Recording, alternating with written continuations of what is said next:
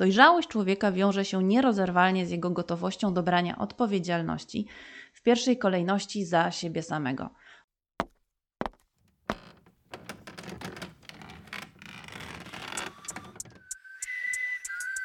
Na kozetce.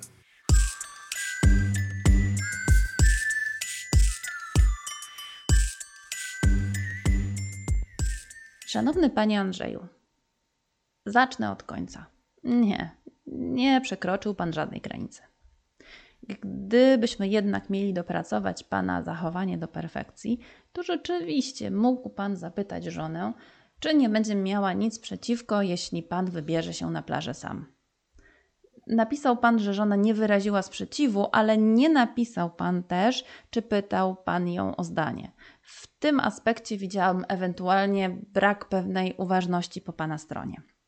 Ja widzę to tak. Dojrzałość człowieka wiąże się nierozerwalnie z jego gotowością do brania odpowiedzialności, w pierwszej kolejności za siebie samego. Oznacza to umiejętność ochrony własnych granic, ale również nieprzekraczania cudzych. Jeśli się na coś zgadzamy, wprost lub dając na to ciche przyzwolenie, czyli nie protestujemy, to znaczy, że jesteśmy gotowi udźwignąć konsekwencje związane z dokonanym przez nas wyborem. Czyli, jeśli zgadzam się na to, żeby mąż poszedł beze mnie na plażę, to znaczy, że nie mam nic przeciwko temu i nie będę miała później pretensji. Jeśli nie chcę, żeby mąż szedł beze mnie na plażę i cierpiał na samą myśl o tym, to nie powinnam zgodzić się na jego wyjście. Mogę wtedy powiedzieć, że będzie mi smutno samej i byłoby mi miło, gdyby został ze mną. I ostatnia, ale najważniejsza kwestia. Jeśli nie chcę, żeby mąż poszedł na plażę beze mnie, ale mu o tym nie mówię, to powinnam wziąć odpowiedzialność za moją decyzję i poradzić sobie samodzielnie z emocjami, nie przerzucając na męża odpowiedzialności za nie. Podniosę teraz poprzeczkę. Żeby być w stanie brać odpowiedzialność za własne emocje związane z własnymi decyzjami, muszą wystarczająco dobrze rozumieć swoje potrzeby.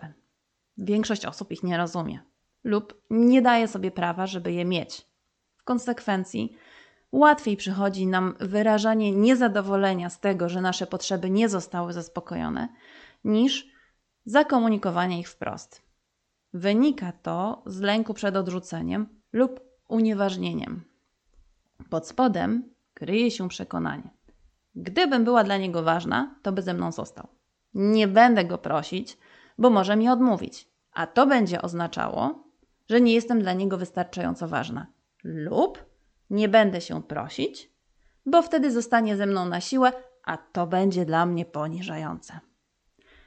Takie przekonania są efektem doświadczeń związanych z odrzuceniem i naruszonymi osobistymi granicami już w dzieciństwie.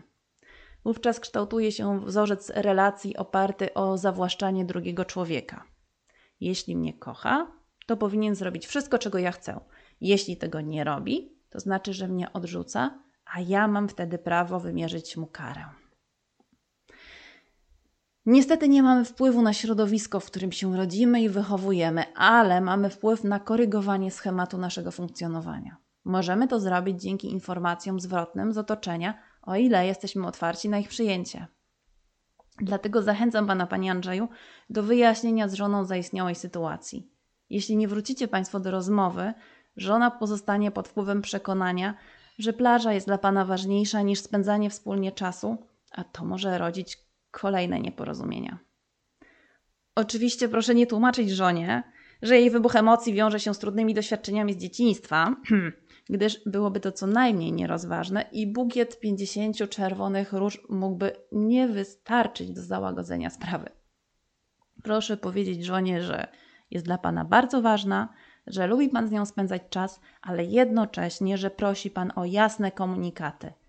Tak albo nie. W przeciwnym wypadku nie będzie pan w stanie się domyślić, czego żona naprawdę oczekuje. Pozdrawiam pana serdecznie. Chcesz o tym porozmawiać? Odwiedź nas na sensity.pl oraz obserwuj nas na YouTube, Spotify i iTunes. Do usłyszenia!